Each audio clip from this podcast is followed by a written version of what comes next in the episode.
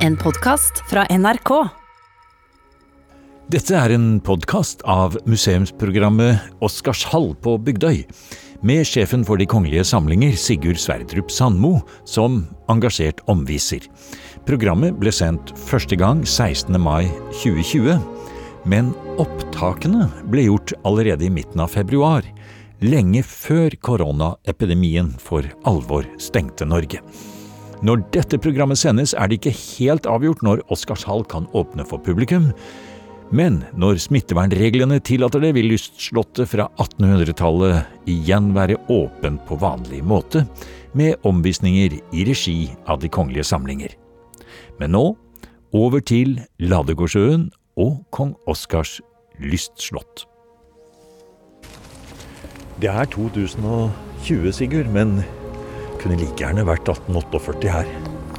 Ja, sant. Nå, eh, når man kommer til Oscarshall, så er det sånn at man går liksom både ut av hverdagen og eh, inn i naturen og inn i historien. Sant? Her, eh, her fins det mange tider på en gang.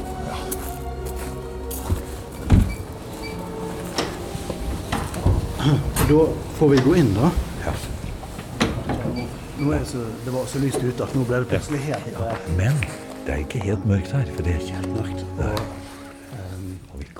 Med Edvard Griegs A-moll-konsert fra 1868 i ryggen lister vi oss inn i Oscarshall på Bygdøy sammen med sjefen for De kongelige samlinger, Sigurd Sverdrup Sandmo. Etter hvert skal vi både gå rundt i de flotte salongene og klatre helt til topps i tårnet til Oscar den førstes middelalderdrøm av et eventyrslott. Men først, som seg hør og bør, tar vi en liten tur i anlegget rundt for å få en følelse av hvordan lystslottet plasserer seg i terrenget.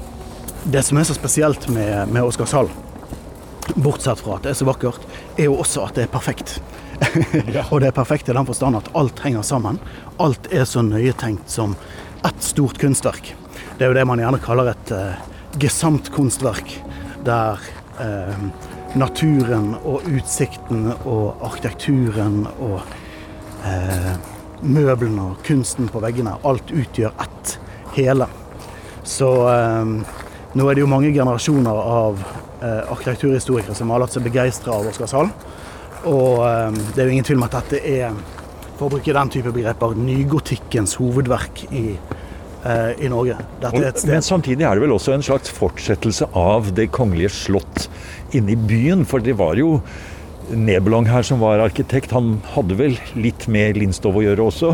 Ja, sant. Det var jo eh, Lindstov som var arkitekten for Det kongelige slott i eh, Oslo. Men etter hvert så engasjerte han også den unge arkitekten Nebelong, eh, som var en veldig, veldig god tegner. Og som var Lindstovs assistent på Slottet, og som etter hvert blir engasjert av eh, kong Oskar eh, til å tegne et lyst slott her på Ladegårdsøen. Det at Oscarshall ligger så høyt og flott på denne knausen, med stor selvtillit, så har eh, Nebelung og, og kong Oskar reist dette høye, slanke bygget eh, med fantastisk utsikt over byen. Men det betyr jo også at det ses fra store deler av byen. Så veldig mange um, har jo sett Oscarshall. Og sånn har det jo alltid vært. Eh, dette handler ikke bare om utsikt, men også om å bli sett. Nettopp. Nå går vi litt til nedover i dette flotte parkanlegget. Og tror du det er sant, Sigurd, at den gangen som kong Oskar den første, altså Karl Johans sønn, og hans kone Var det ikke Josefine hun het? Jo, det stemmer. Ja. Det heter seg visstnok at de skal ha rodd litt rundt her og i Frognerkilen, og så sett dette, dette lille fjellpartiet her stikke frem og tenkt at det er der vi må bygge dette lystslottet. De kjente nok området ganske godt. Jeg har hørt at det var um at det var sønnene som var ute og rodde, Ah, ja. og at de, de, gikk til sine foreldre. Og at Jaha. eh, det høres ut som både kong Oskar og dronning Josefine har vært ganske lette å be. Ja. At de begge har vært gode faddere for dette prosjektet. Men det de har sett fra Roberten, var jo dette som dramatisk eh, eh, Ja, man kan godt si romantiske landskapet. Eh, oppover mot denne knausen som lystslottet i dag ligger på. Eh, og at her har det vært mulig å skape en fabelaktig kongelig eiendom etter datidens romantiske idealer. Så nå går vi litt sånn i svinger nedover. Hadde dette vært et sånt klassisk slottsanlegg, eh, så eh, ville det jo vært veldig sånn snorrett og elegant og symmetrisk. Mens her har man på en måte den der romantiske inngangen fra, fra sjøen gjennom denne kavalerbygningen, som den heter. Og så med denne parken som liksom svinger seg oppover i det bratte norske landskapet. Opp til dette Vi snur oss her nå, ja, og så ser vi oppover her, og nå ser vi hele anlegget. Det er lite, men det er vakkert. Det er som en liten sånn perling, en liten konfekt, en liten diamant som ligger her. da. Ja, sant? Sånn Konfekt er et fint, eh, et fint ord. Så ser vi denne eh, fabelaktig interessante bygningen sant? med eh, veldig asymmetrisk. Den har på en måte tre hoveddeler. Sant? Den har denne eh, selve bygningskroppen, eh, hvor de fleste rommene ligger. Og så har den dette høye, flotte tårnet. Og eh, det tårnet er altså akkurat like høyt eh, fra grunnplan, eller fra bakkeplan og til toppen, eh, som fra sjøen til bakkeplan. Så eh, alt går liksom opp i en sånn matematisk Ja, der. Og så på siden så har man dette denne lille tilveksten, kan man si, som er um, spisesalen. Eh, og sånn kjenner man også at dette er laget for festlige sommerdager. At man må faktisk ut av salongene for å komme inn i spisesalen.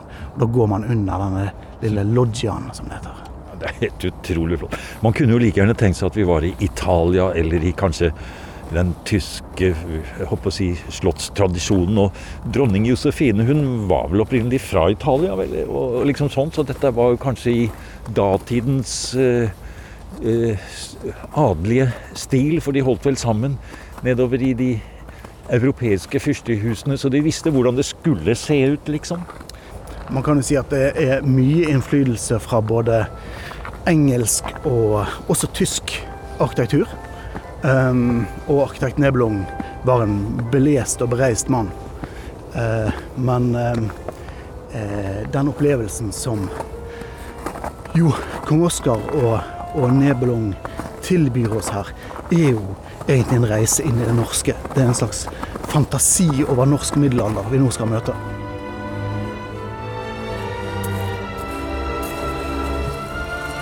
Da får vi gå inn, da.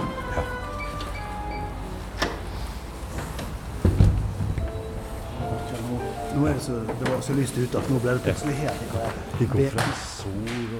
Det er sjef for De kongelige samlinger, Sigurd Sverdrup Sandmo, som tar oss med inn i Oscarshall på Bygdøy i Oslo, like ved Frognerkilen.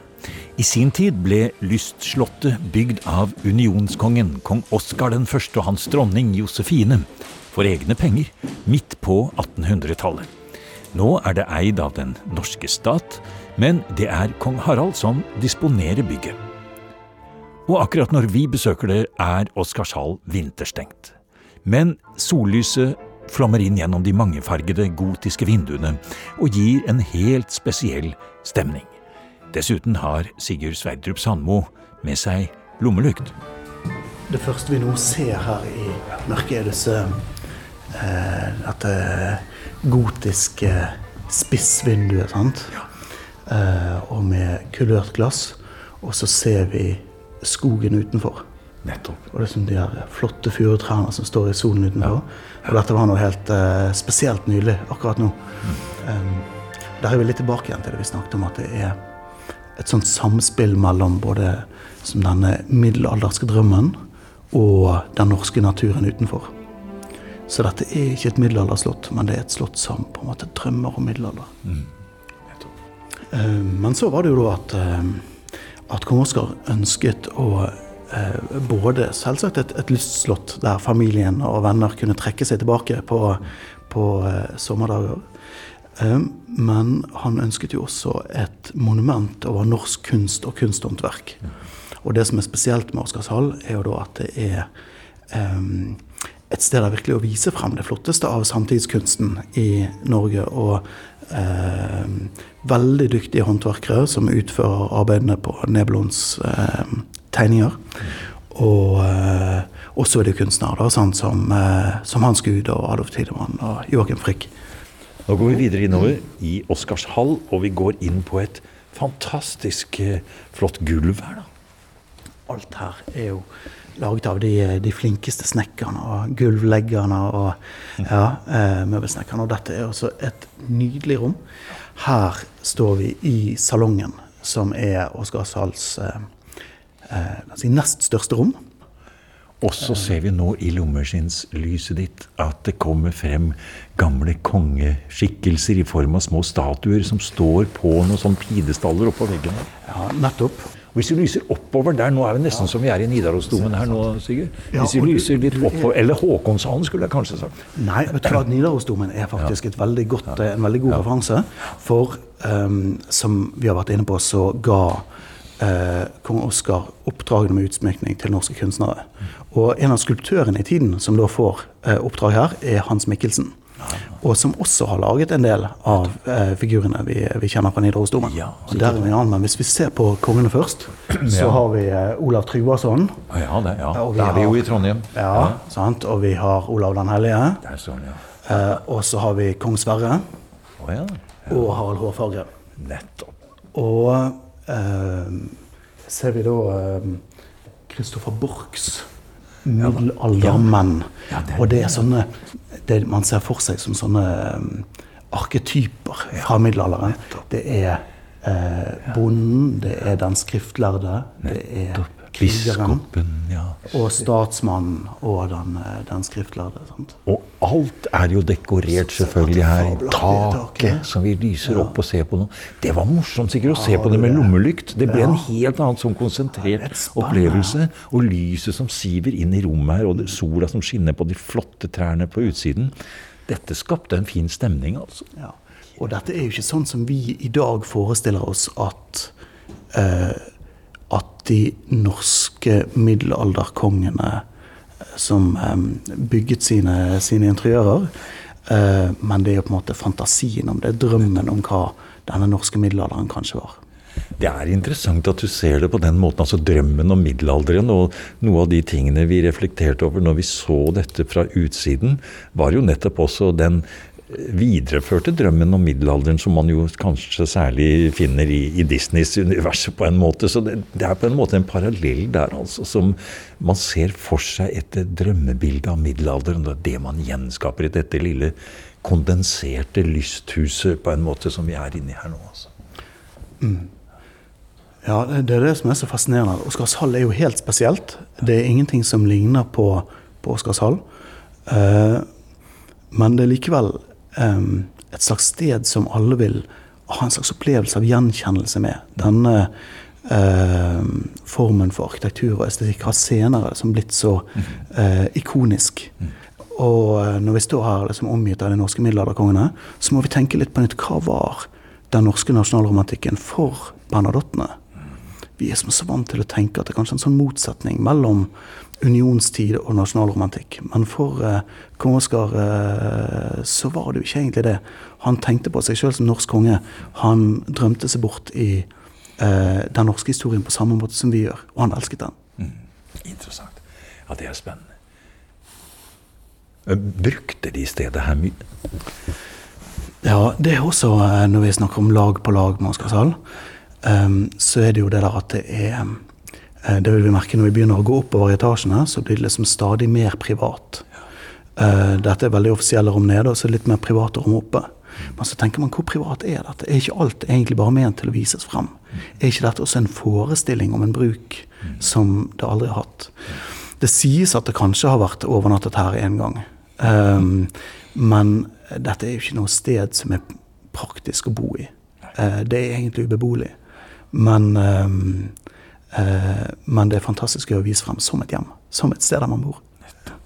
Og noen som eh, måtte teste ut det litt, det var jo nettopp eh, kronprins Olav og kronprinsesse Märtha. Det var jo snakk om at de kanskje skulle flytte inn her når de giftet seg. Og i 1928 var det vel en stor arkitektkonkurranse, men det måtte man gi opp, rett og slett. Ja. Det var ikke mulig å gjøre dette til en bolig. Nei. Eh, og jeg tror eh, i dag så, eh, så skal hele nasjonen være lykkelig over at vi har eh, eh, Oscarshall så nydelig restaurert og tilbakeført til, eh, til sin opprinnelige idé. Sånn prisme eh, av et sted der man kan eh, oppleve norsk historie og unionstiden på nye og overraskende måter.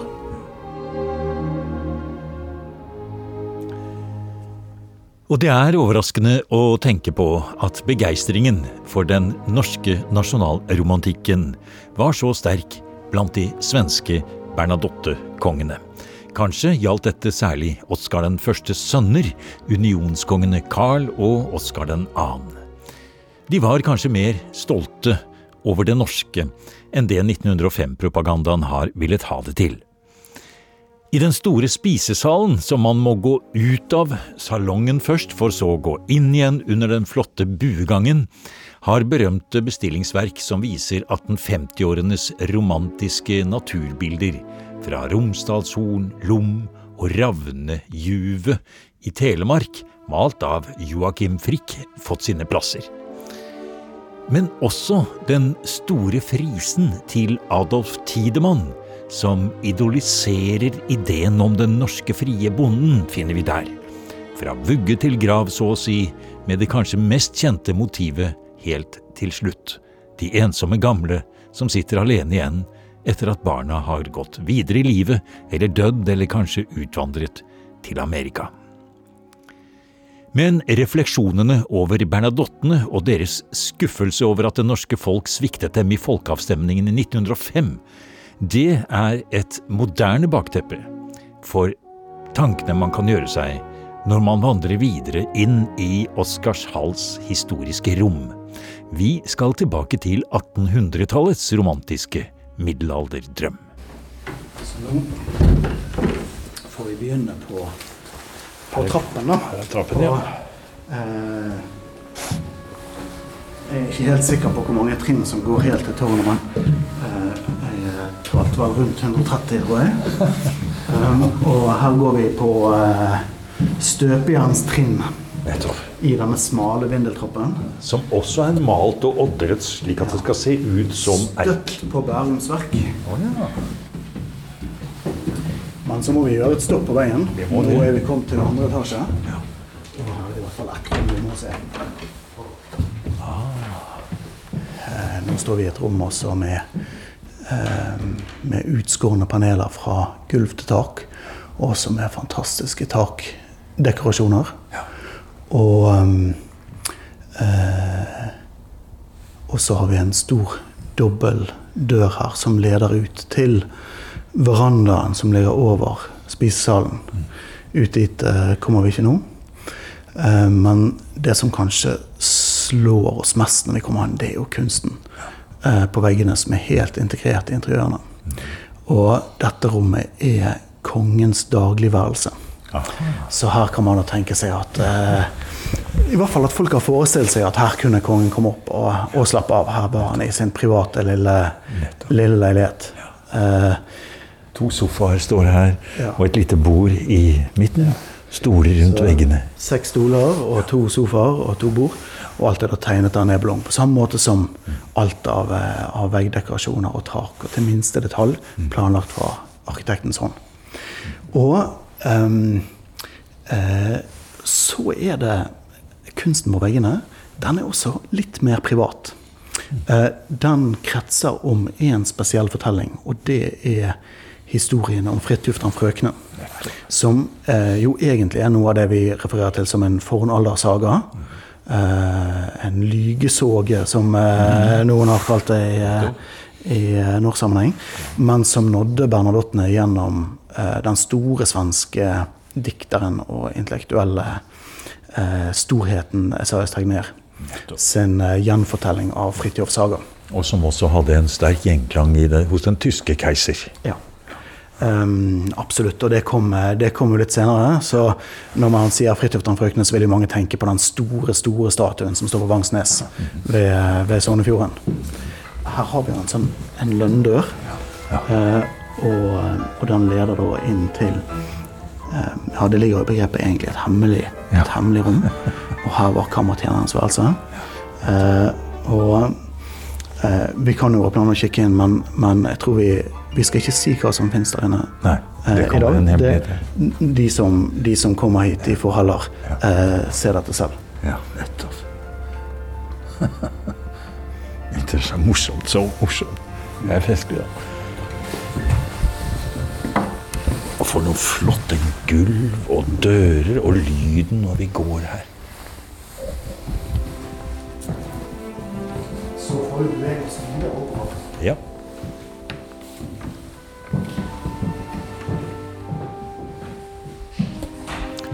Vi er på vei helt opp på toppen av tårnet til Oscarshall med Sigurd Sverdrup Sandmo, sjef for De kongelige samlinger. Det er tydelig at vindeltrappen i seg selv, hvor man går helt inntil de fargede glassvinduene og de middelalderske skyteskårene, var tenkt som en egen opplevelse i seg selv. Men så er det en ny etasje, også den med to elegante rom, dronningens salong og kronprinsens leilighet. Det er fløyelstrukne møbler, flotte tak og paneler og stilleben på veggene. Så det er klart, Jo høyere vi beveger oss, jo mer får vi følelsen av at det liksom smalner inn når vi kommer opp i høyden, og jo flottere blir utsikten. På en måte mer og mer privat, og mer og mer utsikt. Det er, det er flere rom faktisk i tårnet her enn jeg hadde trodd. Og her er et rom også. Så dette er Dette er jo noe helt annet enn disse store, representative, storslagne rommene vi har nede. Eh, De veldig lekre panelene er jo eh, Også her går de fra gulv til tak og forseggjort. Eh, Alt nydelige små spissvinduer ut mot, mot parken og, og sjøen. Og så har han litt mer sånn lekne, uhøytidelige motiver. Her for så har du et, et motiv som heter 'Hunde og papegøyen'. Og det er langt fra den norske nasjonalromantikken. Dette er jo sånn morsomt bilde å snakke om. Du, du ser at her er det en eller annen sånn moralsk fabel sant? med denne papegøyen som sitter helt tydelig og erter de hundene. Eh, eh, fra et sånt lite stativ eh, den har. Og hundene som, som jo dumme og bundet til, til jorden, og fuglen fri og, og frekk. Nettopp.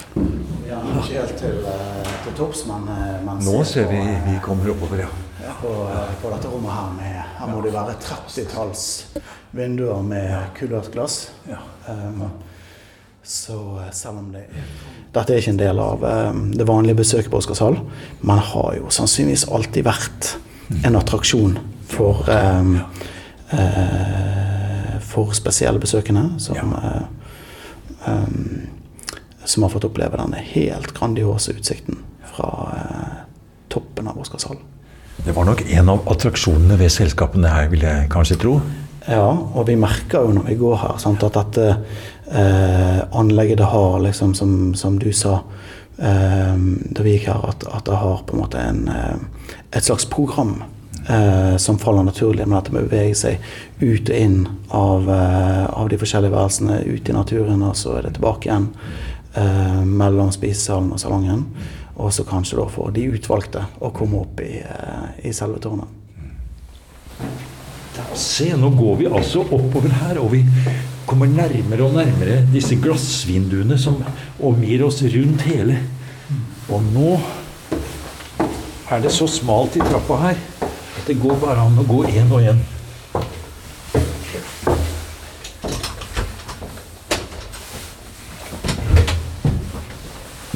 Wow. Har du sett det? Har du sett på maken? Ha. Og Vi ser jo faktisk hele byen her oppe fra, Sigurd. Det er eh, badet i sol og blikkstille. Ja, er vi veldig glad i å snakke om utsiktene og på forskjellige måter. Og jeg har jo også lyst til å føye til at vi ser jo eh, også eh, på en måte 200 år tilbake i tid. Til også Karl Johans regjeringstid og hans ambisjoner om å eh, få til en, en sammenhengende kongelig eiendom fra Slottet og helt ut hit. Han, eh, han eh, kjøpte opp eiendommer også på Frogner, i tillegg til alles eiendommer på Bygdøy. Og eh, kanskje med referanse til, eh, til Djurgården ja, i Stockholm, ja. i. Stockholm. At han ønsket en sånn eh, spaserpark eh, helt fra Slottet og, og ut hit. Um, og så tenker man på ja, Bernadottenes eh, opplevelse av Bygdøy og Oscarshall. Og en av mine favoritthistorier også fra 1890-årene, som jo er eh, da, den gang prinsesse Maud var med sin mor Alexandra og eh, en av sine søstre på norgesreise. Og eh, bl.a. besøkte Oscarshall. Så vi har gjesteboken fra august 1893, der disse tre britiske prinsessene skriver seg inn i gjesteboken, helt uvitende om hva som kom til å skje noen år senere. Og Det er også noe av siktemålet med, med den eh, eh kulturvirksomheten som, eh, som kongehuset driver. Eh, dagens kongepar er jo opptatt av forvaltningen og formidlingen av kulturarven. Og, eh, og dette arbeidet er i dag oppgradert til kjernevirksomhet under navnet De kongelige samlinger. Dette drives som en, en del av, av, hoffet, og det er en del av kongehusets eh, virksomhet. Og, eh, eh, og det er noe ganske annet enn et, et museum. Eh, samtidig så forvalter man så mye norsk kulturarv at det er så veldig mange andre fortellinger som møtes i nettopp denne. Uh, og uh, samlingene til Slottet, både med kunst og uh, interiører, med husholdsutstyr og sånn, det, det liksom pakker seg rundt norsk historie på ulike måter. Og alle historiene, alt fra kong Olavs eh, barnesmekker til eh, A1 og de berømte bilene til den store vognsamlingen, kunstsamlingene på, eh, på Slottet. Eh, møbler og eh, kanskje til og med mer eh, private eiendeler. De er en del av den samme historien som, som blir dokumentert gjennom de kongelige samlinger.